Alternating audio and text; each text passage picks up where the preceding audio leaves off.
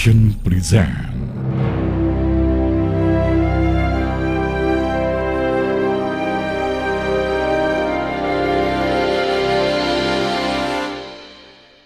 Assalamualaikum warahmatullahi wabarakatuh. Halo adik-adik, apa kabar hari ini? Semoga adik-adik selalu dalam keadaan sehat walafiat ya, serta selalu dalam lindungan Allah. Amin. Kali ini Kak Yaya akan bercerita tentang kisah Nabi Daud alaihi salam. Tapi sebelumnya kita belajar huruf hijaya dulu ya. Jadi disimak baik-baik agar hafal dan makin lancar membacanya. Oh iya, sebelum Kayaya lanjutkan, Kayaya ingin mengingatkan kembali bahwa huruf hijaya itu terdiri dari 28 huruf yang tentunya nanti akan kita pelajari bersama-sama. Nah, kalau begitu kita mulai saja ya adik-adik, tapi sebelumnya kita berdoa dulu ya. A'udzu billahi minasyaitonir rajim.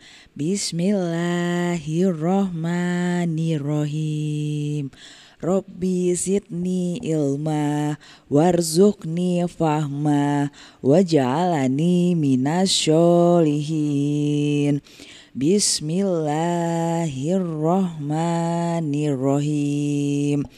So do so a do ha do ro a so do sa a do sa ho za do ro ba so ha sa so da sa. Da sha do sa ha da ro so da the ta the sa ho za. The ja the sa a sha. So ro do a ba ta sa ja ha ho the the ro za sa sha so the Sadaqallahul azim. Bagaimana adik-adik? Sudah bisa belum? Jangan lupa ya, harus selalu berlatih agar lebih lancar lagi pelafalannya. Insya Allah, besok kita akan melanjutkan belajar mengaji lagi ya. Dan sekarang waktunya Kayaya bercerita tentang kisah keberanian Nabi Daud alaihissalam melawan Raja Jalut. Jadi, selamat mendengarkan ya. Setelah ditinggal oleh Nabi Musa dan Nabi Harun alaihissalam, kondisi Bani Israel menjadi kacau. Negara tersebut dijajah oleh bangsa lain. Yang lebih parahnya lagi, rakyat Bani Israel tidak lagi mempunyai pembimbing agama karena para ahli agama sudah mulai menyimpang dari ajaran Taurat. Sehingga agama ajaran Nabi Musa alaihissalam hampir musnah. Kemudian Allah memerintahkan seseorang utusannya yang bernama Syamiun dan mengusulkan Talut untuk menjadi pemimpin rakyat Bani Israel. Akan tetapi, rakyat Israel menolak. Mereka tidak mau dipimpin oleh Talut. Dan Syamiun pun terus mencoba untuk meyakinkan rakyat Israel. Sesungguhnya Allah telah memilih rajamu dan menganugerahinya ilmu yang luas dan tubuh yang gagah perkasa. Ingatlah wahai saudaraku, Allah memberikan pemerintahan kepada siapa yang dikehendakinya dan Allah maha. Setelah melalui pergolakan yang panjang, akhirnya Talut dinobatkan menjadi raja, memimpin rakyat Bani Israel. Kemudian Raja Talut mengumpulkan para pemuda untuk menjadi tentara. Kondisinya pada saat itu Bani Israel sedang diserang musuh-musuh tangguh yang dipimpin oleh Raja Jalut. Kabar tersebut terdengar ke seluruh penjuru negeri, termasuk sebuah kota kecil yang bernama Bethlehem. Di sana hiduplah seseorang yang bernama Yisya. dan ia memiliki 13 orang anak. Yesha pun menyuruh tiga anaknya untuk bergabung dengan tentara yang dipimpin oleh Raja Talut. Dari 13 orang anaknya, ada seorang anaknya yang bernama Daud mengajukan diri untuk ikut bergabung menjadi pasukan Raja Talut. Akan tetapi tidak diizinkan oleh ayahnya karena ia masih sangat kecil. Yisha hanya memperbolehkan Daud untuk menggembala kambing dan mengantarkan susu kepada kakak-kakaknya ke medan perang. Pada suatu ketika, Syamiun melihat Daud. Dan Syamiun pun sangat tertarik kepada Daud karena mendapatkan petunjuk Allah tentang ciri-ciri orang yang dapat mengalahkan Raja Jalut dan itu semua ada pada Daud. Kemudian Syamiun bergegas mengabarkan hal tersebut kepada Raja Talut. Wahai Talut, sesungguhnya aku melihat pada diri Daud kemampuan untuk mengalahkan Jalut. Oleh karena itu, ajaklah dia untuk bergabung dalam perang ini. Raja Talut menerima usulan Syamiun tersebut. Ia pun mengajak Daud untuk ikut berperang dan tentu saja Daud sangat senang mendapat ajakan tersebut. Daud pun mempersiapkan diri untuk terjun ke medan pertempuran. Jalut adalah seorang pemimpin yang ditakuti oleh karena dia memiliki badan yang besar, tegap, dan memiliki kesaktian yang tinggi. Dan kemudian datanglah hari di mana Jalut dan pasukannya menyerang Bani Israel. Hal tersebut membuat Raja Talut dan pasukannya menjadi sedikit khawatir akan perang yang akan berlangsung. Oleh karena itu, Talut bersama dengan para jenderalnya menyusun strategi dan taktik untuk menyerang Jalut beserta pasukannya. Setelah Talut menyusun strategi, ia dan pasukannya pun berangkat menuju ke medan pertempuran.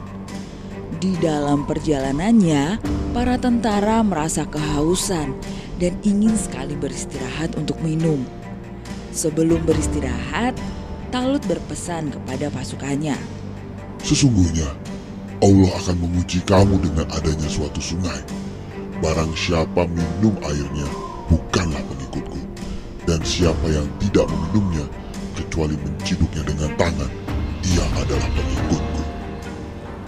Kemudian pada saat melewati sungai yang dikatakan Talut, para pasukan kemudian meminum air sebanyak mungkin yang diperintahkan oleh Talut.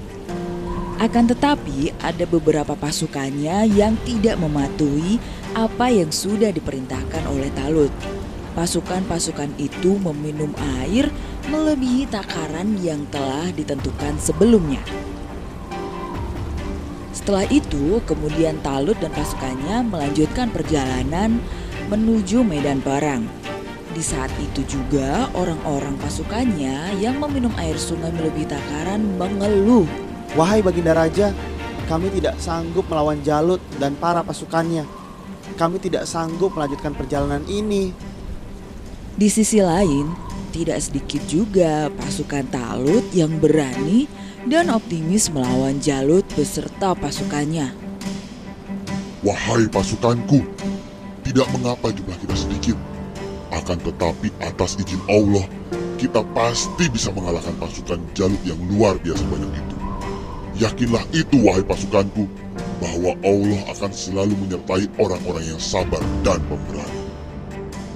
Dari situ terlihat betapa sedikitnya kelompok yang mematuhi perintah Talut. Namun Talut dan pasukannya tetap semangat dan optimis bahwa mereka akan menang. Tidak lama kemudian, Talut dan pasukannya melihat Jalut dan bala tentaranya. Kemudian mereka pun berdoa meminta pertolongan kepada Allah. Ya Allah, berikanlah kesabaran pada kami, kukuhkanlah pendirian kami, dan tolonglah kami terhadap orang-orang kafir. Setelah berdoa dengan semangat dan keyakinan yang teguh, mereka maju berjuang melawan Jalut dan tentaranya. Allahu Akbar. Peperangan pun dimulai. Pada awalnya pasukan Talut terdesak karena jumlah mereka yang tidak seimbang. Selain itu, peralatan senjata pasukan Jalut lebih lengkap. Melihat kondisi tersebut, Talut memberikan arahan kepada pasukannya agar menggunakan kecerdasan dan kecerdikan mereka agar tidak kalah dengan pasukan Jalut. Wahai pasukanku, berperanglah dengan cerdik, menghindarlah dari senjata-senjata mereka dengan baik. Teruslah fokus pada musuh yang ada di depan kalian. Allah akan selalu bersama dengan kita semua. Setelah Talut memberikan semangat kepada para pasukannya, kemudian pasukannya seolah mendapatkan kekuatan dan mereka kembali menyerang pasukan Jalut dengan semangat yang baru. Di tengah pertarungan yang sengit tersebut, ternyata ada seorang anak remaja yang memiliki kekuatan yang sangat luar biasa. Dan ya, itu adalah Daud. Daud mampu membuat pasukan Jalut kewalahan. Dan tibalah Jalut berhadapan dengan Talut. Keduanya sangat berhati-hati untuk saling menyerang. Akan tetapi, ternyata kekuatan Jalut jauh di atas Talut. Serangan demi serangan yang dilakukan oleh Jalut hampir saja membuat Talut terbunuh. Melihat Talut terdesak oleh Jalut, Daud pun mencoba menghadang Jalut. Kemudian Daud dan Jalut terlibat dalam perkelahian. Namun kekuatan mereka tidak seimbang. Secara usia Daud masih tergolong remaja dan memiliki tubuh yang kecil. Selain itu, dia hanya bersenjatakan ketapel. Sementara itu, Jalut memiliki tubuh yang besar dan tegap bersenjatakan pedang. Selain itu, memiliki sebuah tameng yang kuat. Awalnya banyak yang meragukan kemampuan Daud. Akan tetapi, di luar dugaan semua orang, Daud berhasil mengalahkan Jalut. Atas izin Allah, lemparan ketapel yang terlontar dengan keras tepat mengenai kening Jalut. Pada saat itu juga, Jalut langsung terjatuh di atas tanah dan kemudian mati.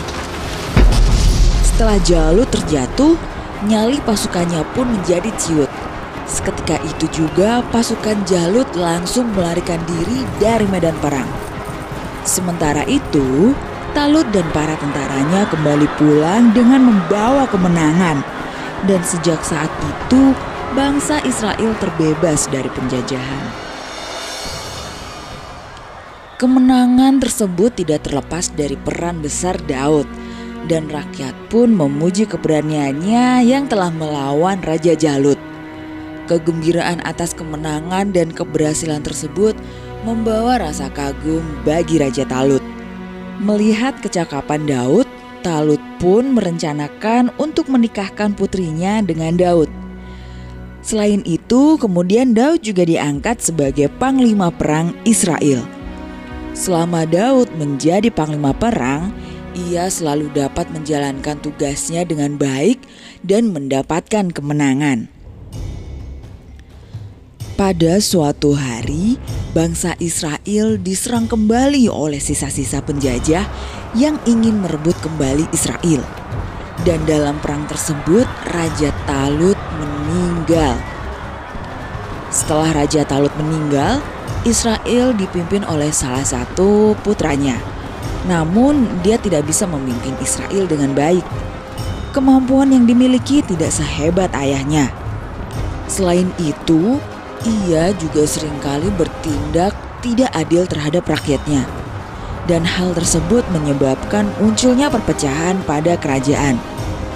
Dalam perpecahan tersebut mengakibatkan terbentuknya dua kubu. Kubu pertama dipimpin oleh putra Talut dan kubu yang kedua dipimpin oleh Daud. Oleh karena terdapat dua kubu dalam kerajaan, terjadilah peperangan antar kubu tersebut. Kami akan terus mendukung Panglima Daud menjadi raja. Siapa itu Daud? Putra Raja Talutlah yang berhak memimpin kerajaan. Lebih baik kalian membela kami sebelum kalian binasa. Tidak, Panglima Daudlah yang pantas memimpin kita semua di sini. Perang kedua kubu pun akhirnya dimulai. Antar prajurit mempertahankan dan membela pemimpin mereka masing-masing. Pada akhirnya peperangan itu dimenangkan oleh kubu Daud. Dengan begitu, Daud diangkat menjadi raja Israel untuk menggantikan Raja Talut. Di bawah kepemimpinan Daud, bangsa Israel hidup dengan damai, tentram, dan juga makmur. Daud memimpin kerajaannya dengan jujur dan adil. Selain itu juga, Daud juga memiliki kekuatan, keberanian, dan kebijaksanaan dalam memimpin. Selain itu, Daud juga diangkat oleh Allah menjadi nabi dan rasul. Nabi Daud alaihissalam dikaruniai kesempurnaan ilmu, ketelitian dalam amal perbuatan, serta kebijaksanaan dalam menyelesaikan perselisihan. Oleh Allah, Nabi Daud alaihissalam diberi kitab suci yang bernama Kitab Zabur. Kitab suci ini mengandung tasbih dan pujian-pujian kepada Allah. Selain itu, Nabi Daud alaihissalam juga diberikan kelebihan mukjizat oleh Allah, yaitu mampu menundukkan gunung-gunung serta memerintahkannya bertasbih mengikuti tasbih Nabi Daud alaihissalam di setiap pagi dan senja. Bahkan burung-burung pun turut bertasbih. Selain itu, Allah juga memberikan kekuatan, yaitu Nabi Daud alaihissalam mampu melunakkan besi sehingga ia dapat membuat baju-baju dan lingkaran-lingkaran besi dengan tangannya tanpa pertolongan api.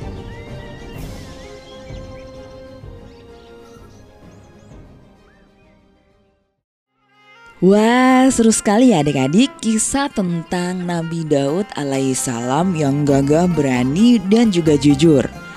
Yang bisa kita petik hikmah dari cerita tersebut adalah Nabi Daud alaihissalam memiliki kekuatan, keberanian, dan kebijaksanaan dalam memimpin pasukan dan negaranya. Selain itu, Nabi Daud alaihissalam juga rajin belajar, sehingga dikaruniai ilmu serta kepintaran oleh Allah. Dan yang paling penting adalah Nabi Daud alaihissalam itu tidak sombong, selalu rendah hati, sederhana dan suka menolong orang yang kesusahan. Maka dari itu Allah sangat sayang kepada Nabi Daud alaihissalam. Hayo, siapa di sini yang mau disayang oleh Allah? Pasti adik-adik semua mau kan? Maka dari itu adik-adik semua harus rajin sholat dan selalu berdoa ya Agar selalu diberi perlindungan oleh Allah Nah adik-adik sampai di sini dulu ya. Nantikan di podcast cerita Nabi dan Rasul lainnya. Kayak ya pamit undur diri dulu ya. Insya Allah kita akan bertemu kembali. Dadah. Wassalamualaikum warahmatullahi wabarakatuh.